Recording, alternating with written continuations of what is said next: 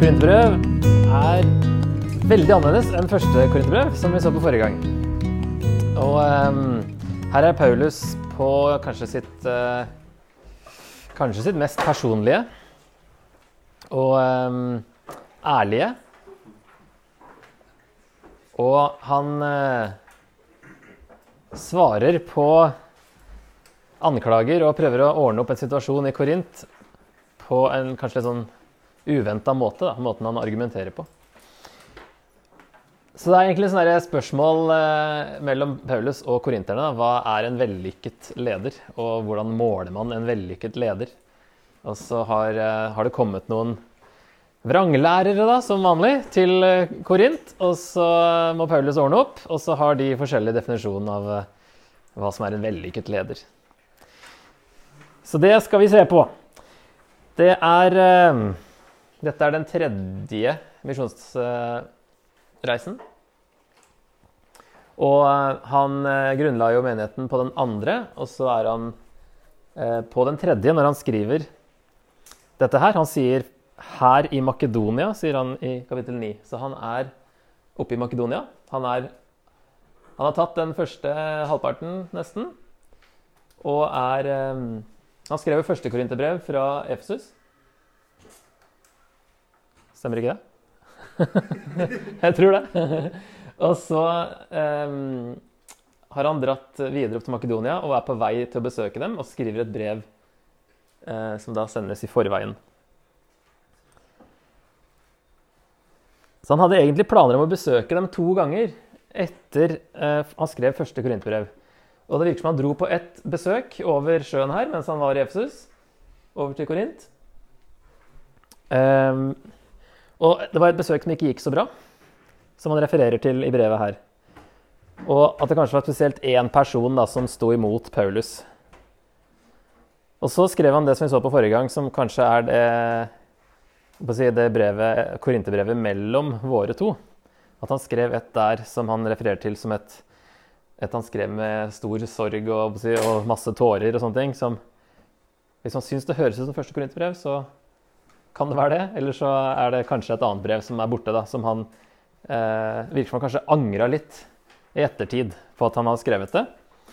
Og bestemte seg da for å ikke besøke dem igjen med det første. Men han hadde tenkt å ta et besøk til, men så ombestemmer han seg fordi det brevet eh, Det ble litt sånn ikke helt sånn eh, god stemning. Og i stedet så drar han da nordover til Makedonia. Så blir han beskyldt for å legge planer i øst og vest og endre dem tilfeldig, som vi leser i brevet her, da. Og så er han veldig urolig på åssen det går med korinterne. Og han har sendt Titus eh, til Korint. Og så kommer Titus tilbake, og så møtes de oppe i Troas her. Og da er Paulus eh, veldig glad for å høre fra Titus at eh, det går bra i Korint. Um, det står at han hadde så stor uro at han, selv om Gud åpna en dør for evangeliet i Troas, så hadde ikke Paulus ro på seg til å være der. Så den døra måtte noen andre ta. Han måtte finne Titus. Ehm, så de ehm, Helt til han hørte at ting var bedre, så klarte han ikke å roe seg. Og var redd for at de hadde gått over til disse andre lærerne og var, han hadde mista dem. Da. Kanskje fordi han trodde han hadde skrevet litt for hardt i det brevet. At han derfor var ekstra bekymra. Og så, oppi der, da, etter han har møtt Titus, så skriver han eh, dette brevet her. Og så eh, besøker han dem da for, for, tredje gang, som han skriver om her. At han har tenkt å besøke dem for tredje gang, og det er kanskje det besøket Det står at han eh, i Apostlenes gjerninger 20 da, på denne reisen, når han kommer eh, Det står sånn Det står ikke så mye, men det står bare Han kom til Hellas, hvor han var i tre måneder. Eh, så det er sannsynlig at han da besøkte menigheten i Korint, for det er jo den, først og fremst den som ligger i Hellas, altså Akaya er eh, det som kalles Hellas. da. Det er jo ikke noe menighet i Aten eller noe annet sted. Så han besøkte dem da nok der i kapittel 20 da, i Apostlenes gjerninger. Og det er det tredje besøket. Så eh, for å summere opp alt dette her, så har han skrevet det fra Makedonia i år 56 til 57. Og det står da i 21 i Apostelens gjerninger at han eh, forlot dem for å dra til Makedonia. står det da. Så er det liksom mellom et par vers i Apostelens gjerninger 20 at han skriver det brevet her. Hovedhensikten er å forsvare apostelembetet sitt, altså det at han har blitt kalt til en apostel av, av Jesus, og forhindre da at korinterne går over til disse motstanderne som har eh, kommet til Korint siden sist. Og så er det også for å be om økonomisk hjelp til menigheten i Jerusalem. Vet ikke om dere la merke til at det var et sånn, plutselig et helt annet tema i to kapitler? I kapittel 8 og 9 så er det om denne innsamlingen til menigheten, eller menighetene kanskje òg, i Jerusalem. Og så er han tilbake igjen til det han eh, snakka om i kapittel 10. Så det er et veldig klar, eh, klart skille der. Kapittel 8 og 9. Hovedtemaet er at Guds kraft fullendes i svakhet. Det finner vi i 12.9 at, at, det sies på den måten. Så det, det er mye snakk om svakhet, og mye snakk om um, at Paulus vil rose seg av svakhetene sine. Så um, I denne kulturen her da, så var det jo visse verdier for uh, talere. Og Paulus var jo en sånn, han var jo en taler. Og man skulle da være flink til å tale, for det første. Veltalenhet og retorikk. Det var, uh, det var en selvfølge. Og så skulle man også ha bra utseende. Og man skulle ta betalt som en profesjonell. Og man skulle ha kontakt med det guddommelige. Så Paulus har jo, det han forklart i første korintbrev, og han kommer tilbake til det i andre korintbrev, at han med vilje ikke la fram evangeliet på en sånn veldig fancy måte når han var der. Fordi han ikke ville at, at, evangeliet skulle miste sin kraft, som han sier. Så han med vilje brukte ikke så veldig sånn eh, retoriske eh, ja, fremføring. Men han gjør jo det i brevene sine, men valgte ikke å gjøre det i talene. Og det kommer han tilbake til, som sagt, i brevet her. Så det har han nok eh, det har de kanskje hengt seg opp i, da, at han er ikke noe god taler. Og utseendet er ikke sikkert han hadde så bra utseende. Han går jo for å gi sånn kirkehistoriske små sånne fragmenter der man kan finne noe som helst som utseendet til Paulus, så er, det, så er det ikke sånn direkte at han var en kjekkas, liksom. Men at han eh, husker ikke hva det sto, at han var liten og skalla og hadde et eller annet sånn veldig sånn intenst blikk. Jeg vet ikke hvor mye, hvor mye, sannhet det er i det, men liksom tradisjon da, på at Paulus kanskje Han er jo øh, har ikke så mye hår på de fleste bildene, sånn øh, ikoner og sånt. Jeg har et som kommer straks. Og han tok jo ikke betalt heller, med vilje. Han jobba sjøl som teltmaker, for han ikke ville være til byrde for dem. Men han hadde kontakt med det guddommelige. det hadde han i hvert fall. Men de tre andre eh, var ting som han da ikke kom så godt ut av, og to av de hadde noe med vilje liksom, eh, valgt å ikke henge seg opp i, håper jeg. Bruke. Og så var han sikkert litt eldre også enn disse, disse, andre filosofene som har kommet dit, og som eh, forkynner et litt annet evangelium. Og så er det spor av mulige anklager mot Paulus i brevet. Man kan jo lese veldig mye inn i sånne ting som kanskje er å lese for mye. Men noen ting virker det som at han eh, er ting som, som de sier om han, da. disse filosofene her. At han ikke er ærlig og oppriktig. At han legger vaklende planer fordi han ombestemte seg. At han ikke bryr seg om korinterne. Han er utspekulert og vil gjøre penger på Guds ord. Altså Fordi han ikke tok betalt, så har han en eller annen plan.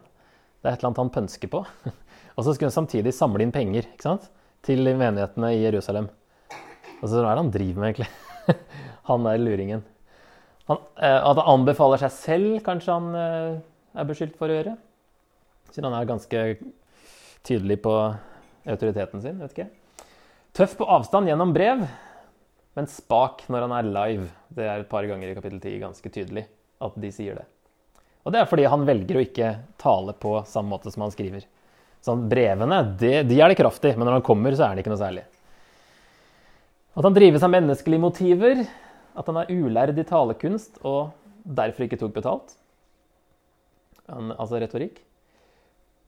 At han ikke har hatt noen åndelige opplevelser, kan det virke som eh, fordi han, når han kommer til kapittel 12 og forteller om den opprykkelsen sin si, til den tredje himmelen, så er det veldig motvillig at han gjør det. Så han har egentlig ikke lyst til å gjøre det, men kanskje han føler at han eh, må gjøre det for å ikke miste dem. Og at han prøver å utnytte korinterne, også i kapittel 12. Da. Og det Paulus sier om motstanderne sine, det er at det er de som vil gjøre penger på Guds ord. Og de har anbefalingsbrev. Det vil si at de ikke var eh, lokale fra Korint, men de måtte ha med seg en sånn eh, referanse på hvem de var, og at de var liksom verdt å høre på. Roser seg av det ytre. Anbefaler seg selv, bruker seg selv som målestokk. Mulig at han sier at de forkynte en annen Jesus, et annet evangelium og en annen ånd. Eh, det er ikke tydelig at det er dem han snakker om, men han bruker et sånt eksempel. da. Hevder at de er apostler, men er falske apostler og Satans tjenere. tar, han, tar mer og mer i. Kraftuttrykk. Skryter av sine menneskelige fortrinn. Utnytter og fanger korinterne. De er jøder, og så sier at de er hebreere. Og han kaller dem for superapostler. og Da tror jeg vi kan sette det i anførselstegn, selv om han ikke brukte anførselstegn. Men at de påstår at de er noen superapostler. Så det er litt sånn frem fram og tilbake med beskyldninger og eh, karakteristikk av eh, disse to eh, Paulus og disse eh, filosofene, som de fleste tror var en gruppe som kaltes sofister. Som hadde vært eh, Altså, det ble en ny bølge av sofisme i første halvdel av det første århundret. Fordi det var på Platons tid òg. Eh, og så kom det liksom opp igjen sånn nysofister. Og de var eksperter på talekunst, da, retorikk. Veldig flinke til å tale. Og de var kjent for å legge vekt på utseende, klær, framføring og stemmebruk. Stemmebruk eh, og framføring henger jo sammen med retorikken, da, men også utseende og klærne. De var visst litt sånn forfengelige, i, eh, er ryktet. De tok betalt, og de kunne bli beskyldt for å være grådige og ikke egentlig opptatt av visdom. Som, altså, Sofia er jo visdom, så de var liksom visdomsmenn. Men eh, hadde litt sånn dårlig rykte på seg av og til. Og litt sånn derre Ja, litt sånn eh, beskyldt for å ha bare show og ikke noe innhold. At det var bare sånn fancy, schmancy uh, og det ytre, og så var det egentlig ikke så mye eh, tyngde, det de kom med. da. Så det kan hende det var de, sofister, som Paulus nå eh, møter på. Andre ganger er det judaister, og så er det noen andre vranglærere med noen annen retning. Og her er det kanskje noen filosofer som har en eller annen kristen vri av uh, sofisme.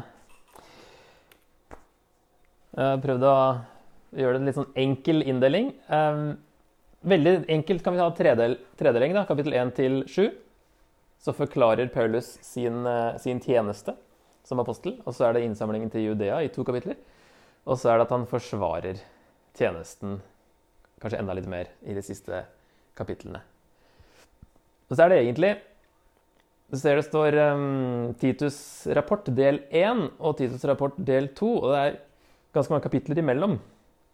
Så det virker som at han egentlig fra 2.14 til 7.4, denne personlige tjeneste, at det er en sånn digresjon som går over mange kapitler der han blir så gira på å fortelle om evangeliet. Og så kommer han tilbake til eh, Titus og sånt i kapittel 7. Da. For han forteller egentlig om eh, eh, ja, brev og planendringer og hva Titus fortalte og sånne ting. Og så kommer han tilbake til akkurat det samme senere. Så er det flere kapitler der han liksom går inn i evangeliet mer.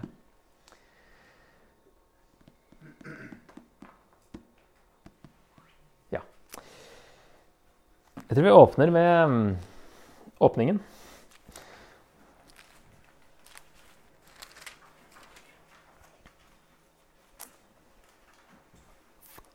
Jeg kan eh, lese fra vers 1 til 11.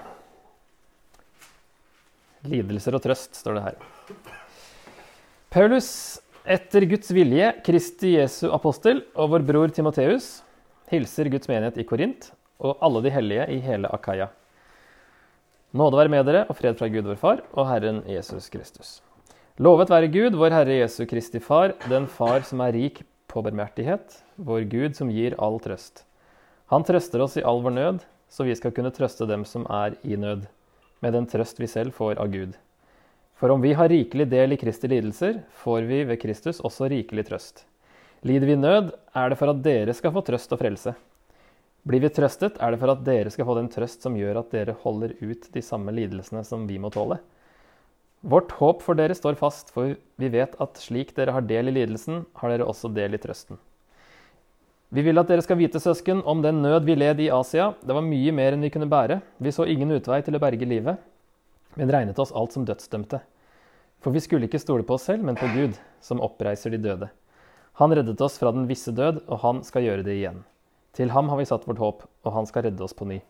Også dere må hjelpe til ved å be for oss. Når mange ber, vil takken for den nådige hjelp vi får, stige opp fra manges munn. Ok, så kan dere få noen minutter. Finne ut hvilke ord som gjentas mest. Hvorfor tror dere det? Og hva ønsker Paulus å kommunisere i disse versene i åpningen her? Ok? Hva slags ord var det dere fant som eh, eller hvilke, hvilke ord? Trøst og mye trøst? Yes? Har du noe annet? Lidelser? Nød? ja? Og død. Det var kanskje de fire tror jeg, som ble nevnt mest. Av, unntatt sånn og og jeg og sånn. Uh, lidelser, trøst, nød og død.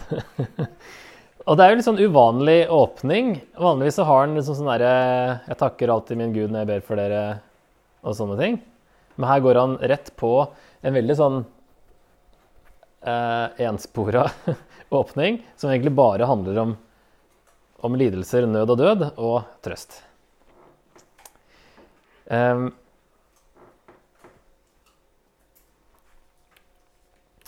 så det han pleier å gjøre da, i starten av brevene, det er å introdusere temaer som kommer i brevet. Og da virker det som at temaene kommer til å være trøst, som han nevner ni ganger her, og som han nevner også kapittel 2 og 7. Nød fire ganger her, men kapittel 2 og 4 og 6 og 7 og 8 kommer han tilbake til det. Lidelser er fire ganger, som han også kommer tilbake til i 8 og 11. Det er jo bare selve ordet, ellers er det mye sånn tematikk som går rundt det samme her, da.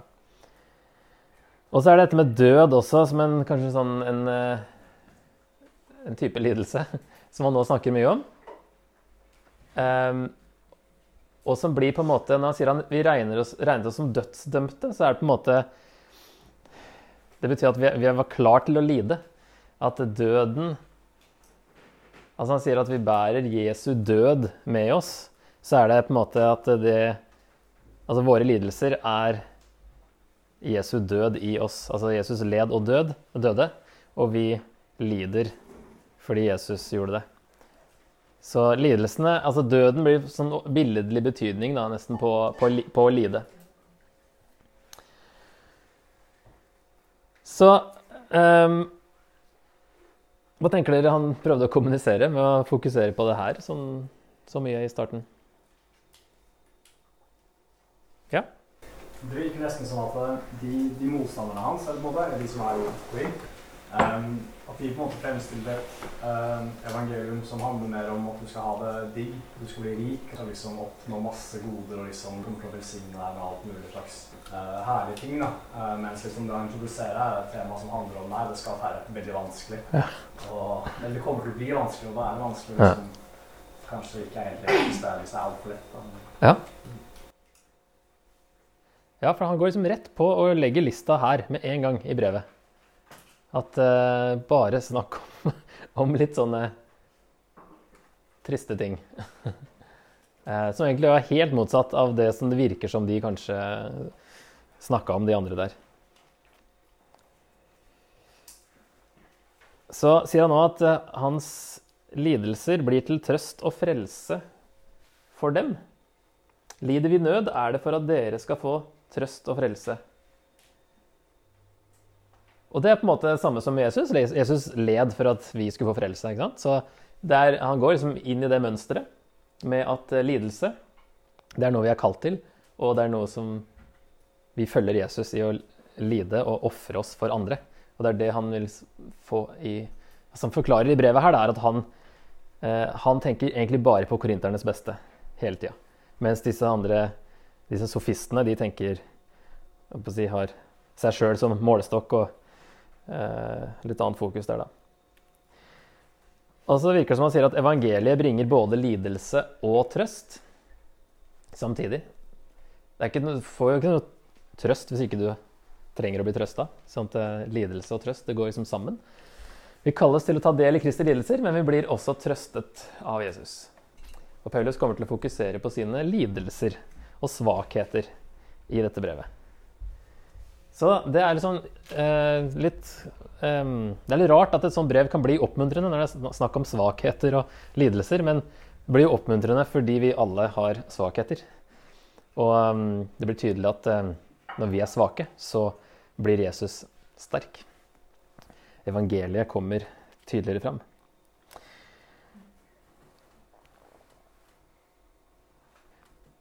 I kapittel to Jeg tror vi hopper til um, to Ja, vi kan lese fra 12, da. 2.12. Da jeg kom til Troas med Kristi evangelium, hadde Herren alt åpnet en dør for meg. Likevel var jeg urolig fordi jeg ikke fant Titus, min bror. Derfor tok jeg farvel med dem og dro videre til Makedonia. Men Gud være takk, som i Kristus alltid fører oss fram i triumftog og gjennom oss sprer duften av kunnskapen om ham overalt. For vi er Kristi vellukt for Gud, blant dem som blir frelst, og blant dem som går fortapt. En duft av død til død for dem som går fortapt, en duft av liv til liv for dem som blir frelst. Hva betyr det her? altså Når han snakker om et triumftog Det var jo sånn de hadde den største, største ære man kunne få. Eh, en romersk eh, si, kommandant da ville få en sånn parade når han kom tilbake til Roma liksom, det var Julius Cæsar var vel litt sånn snurt for han ikke fikk en sånn en gang, tror jeg. En sånn eh, et triumftog. Der han skulle liksom på parade gjennom byen og bli hylla av alle. Da var det liksom sånn all oppmerksomhet og all ære. Eh, så det snakker Paulus om her. At eh, Gud alltid fører oss fram i triumftog. Eh, fotnote i denne oversettelsen her, så står det at bildet er hentet fra romerske triumftog, der beseirede fiender ble ført fram i en lang prosesjon gjennom Romas gater. Så det er litt rart ut hvis eh, det er snakk om svakheter og sånt, at han bruker et bilde på et triumftog. Men så sier han jo at Gud fører oss fram. Og hvis vi ser tilbake i første korintbrev 4.9, så er han inne på litt det samme bildet der. Der han sier eh,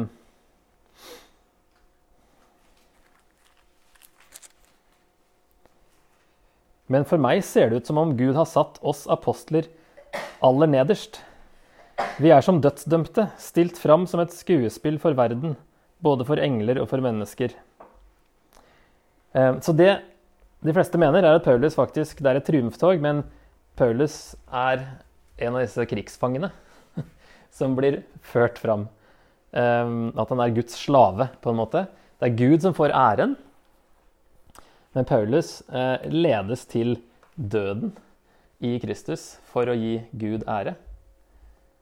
Det er ikke Paulus som er den som får triumfen og, og, og det positive si, å være sentrum for dette her, men han er um, en av disse dødsdømte, som, som da ville, altså krigsfanger som ville bli leda gjennom eh, byen og vises fram.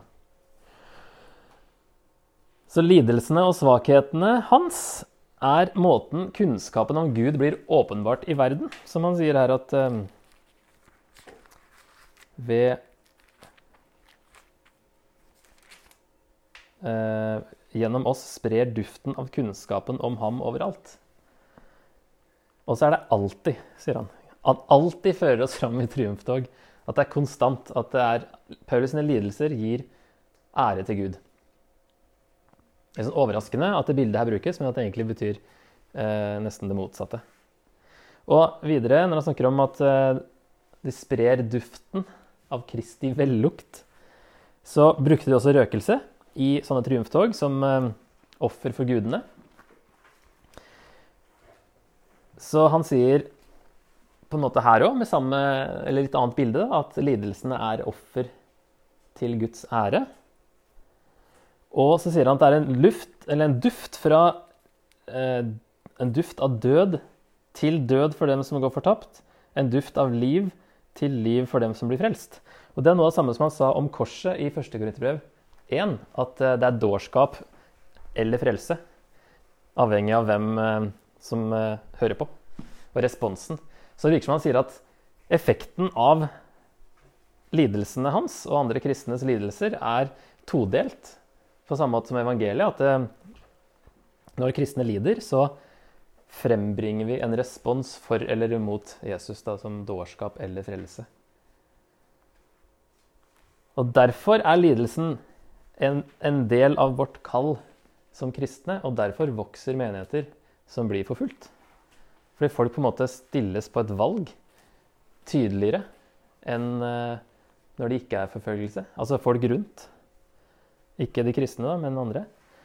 Og Tertullian, en av disse kirkefedrene, som er kjent for dette sitatet her, 'Martyrenes blod er kirkens såkorn'. Det virker som det er noe av det samme Paulus sier her. At det er en effekt ved å lide som, uh, som er den samme effekten som, uh, som korset har, egentlig. Dårskap eller frelse. Så Paulus sin tjeneste med lidelser og svakheter legitimerer ham som apostel. Og han er tydeligvis ikke ute etter å bli rik. Um, ingenting som tyder på det, og han sier da ja, hvem er vel i stand til dette, sier han i slutten av 16 der, etter å ha liksom vært At det er en duft av død til død, eller en duft av liv til liv. Hvem er vel i stand til dette? Vi er iallfall ikke lik mange andre som vil gjøre penger på Guds ord når vi går rundt og lider i stedet. Og det det ikke akkurat, virker ikke som vi er ute etter å bli rike.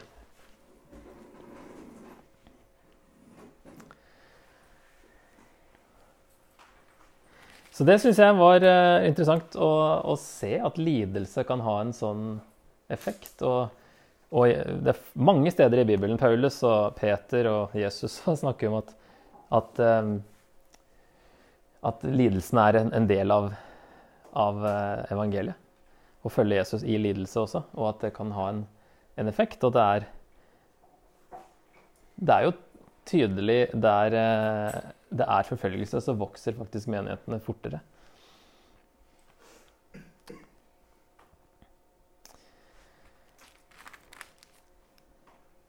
Yes.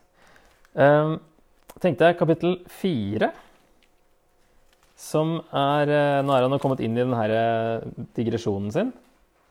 Den begynner egentlig Var det her? 2.14 jeg hadde satt. Og så fortsetter han med sammenligne den gamle og den nye pakt i kapittel 3. Og så kommer han til det her kapittel 4, som er det mest kjente, kanskje, det her med skatten i leirkrukker. Og da har jeg satt opp teksten her. Noen av de versene, i hvert fall. Vi tar avstand fra alt som er skammelig og ikke tåler lyset. Vi bruker ikke knep og forfalsker ikke Guds ord. Åpent legger vi sannheten fram, og for Guds ansikt stiller vi oss selv fram, så alle mennesker kan dømme oss etter sin egen samvittighet. Er vårt evangelium skjult, så er det skjult for dem som går fortapt. For denne verdens Gud har blindet de vantros sinn, så de ikke ser lyset som stråler fram fra evangeliet om Kristi herlighet, Han som er Guds bilde. Vi forkynner ikke oss selv, men Jesus Kristus som Herre og oss som tjenere for dere, for Jesus skyld.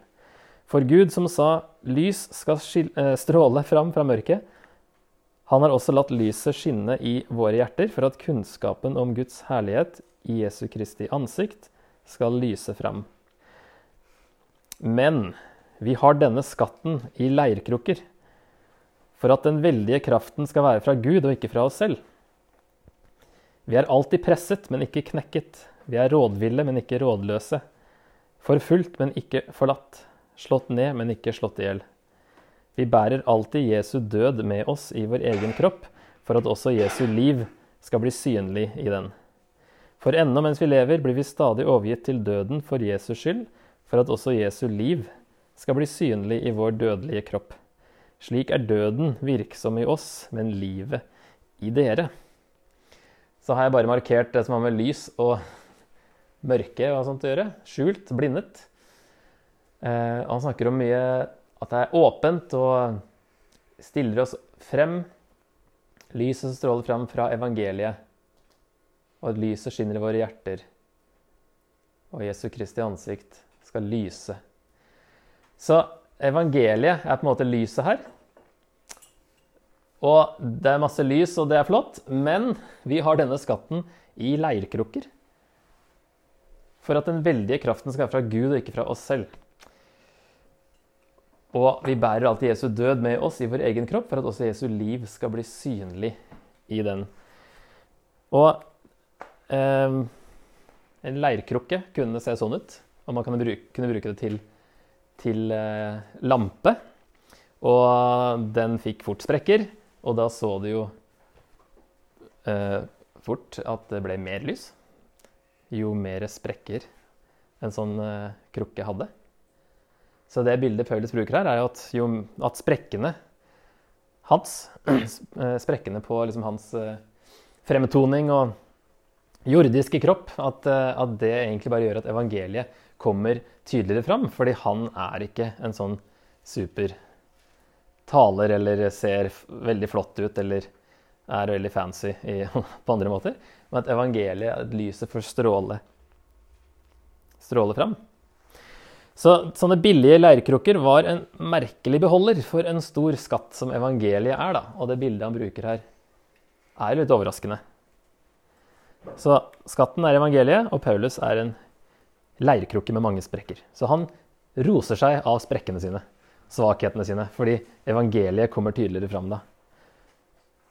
Tydelig at denne kraften da ikke kommer fra Paulus. Jo svakere han er, jo mer kan lyset fra evangeliet stråle frem. Så der, Han har blitt sikkert mørbanka som, på alle de reisene sine. Han kom jo til en lang liste i kapittel 11 over alle vanskelighetene sine. Så han hadde sikkert en del eh, sprekker på, av forskjellig type, men vil bare fremheve dem, og ikke sine sterke sider.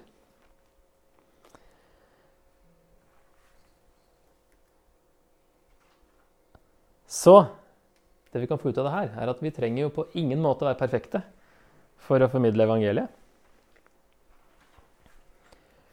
Og våre sprekker gir Gud ære.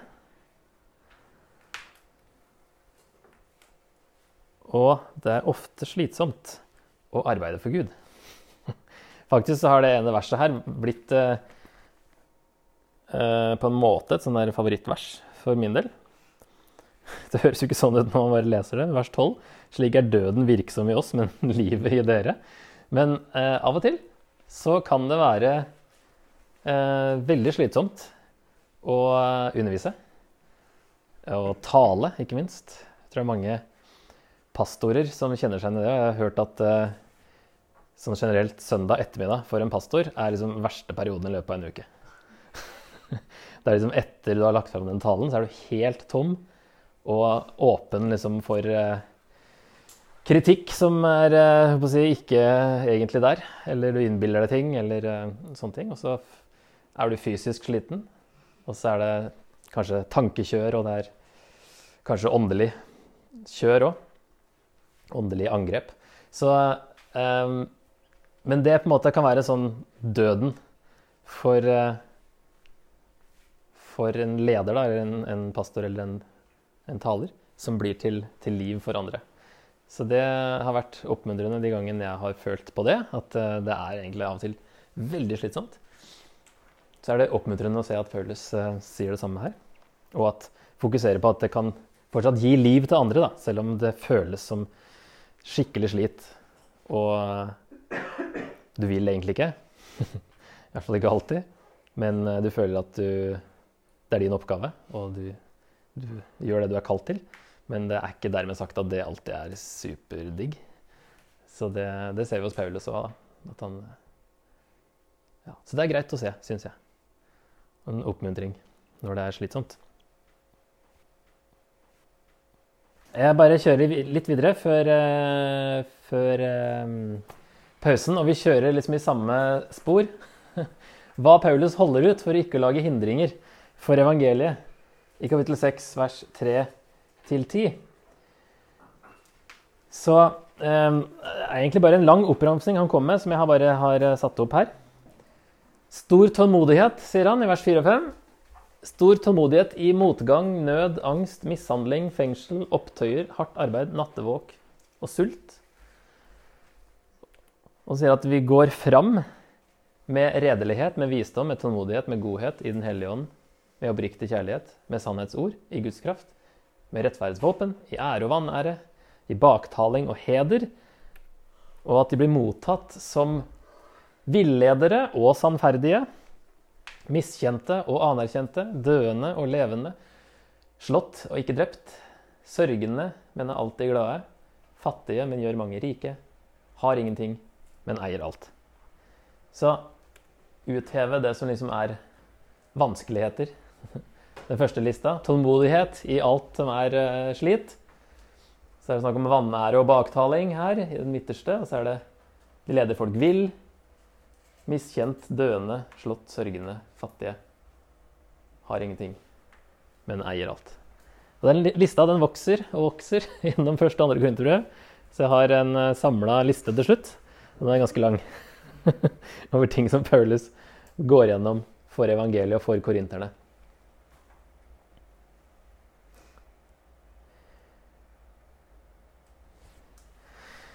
Um, vi tar litt om uh, den innsamlingen som nå plutselig kommer til i kapittel 8 og 9. Og Det er egentlig et prosjekt man har holdt på med fra år 44 til år 57. Man har holdt på ganske lenge med å samle inn penger til menigheten i Jerusalem i, i Judea. Og det vi kan uh, vite da, om denne innsamlingen, det er at i hvert fall i år 44 så står det da i Apostelens gjerninger 11 at Agabos sto fram og varslet ved ånden at en stor hungersnød skulle ramme hele verden.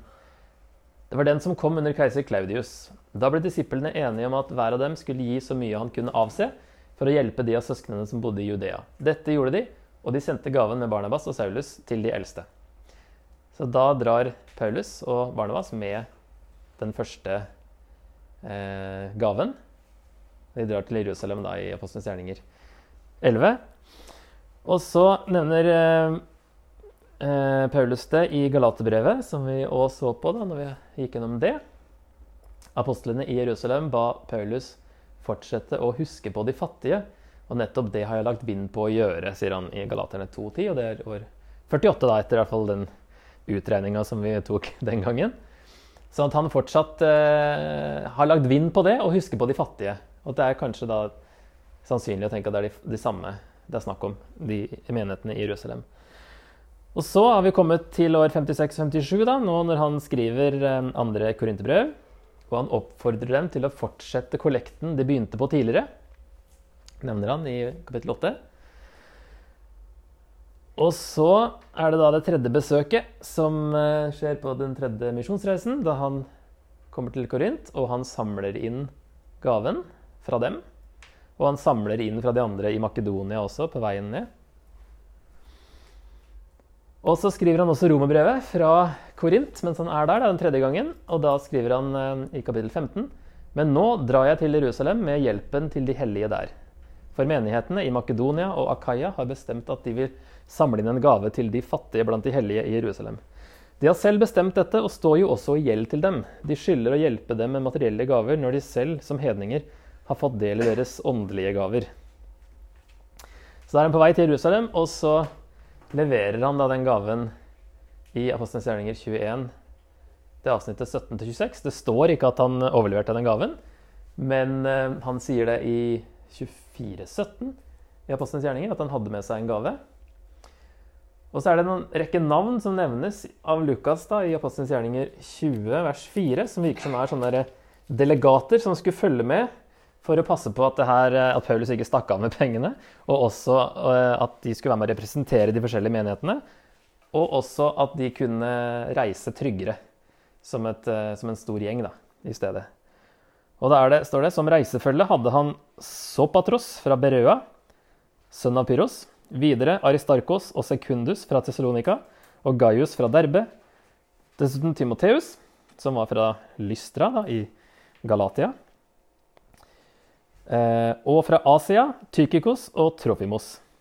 Så selv om han her nevner ba bare Makedonia og Akaya, så er jo også Asia og Galatia også med. Og han har jo sagt her i 1. Korinter 16 at eh, han har eh, bedt galaterne også om å samle inn penger. Og så sier han her at de kan nå velge ut noen menn til å bli med hvis de syns at det er nødvendig. Skal vi se hvor det sto der. Åtte Ja, han nevner noen som kommer sammen med Titus. Anonyme, som han ikke sier navnet på. Eh, han har også blitt valgt av menighetene til å reise sammen med oss og overbringe denne gaven som vi har fått i stand til Herrens ære og som tegn på vår gode vilje. Vi vil unngå enhver kritikk i forbindelse med dette store beløpet vi har hånd om. Så han i hvert fall skal ha med seg En som han nevner her, er også blitt eh, valgt ut til å være med, da, for at ikke Paulus skal få noe kritikk.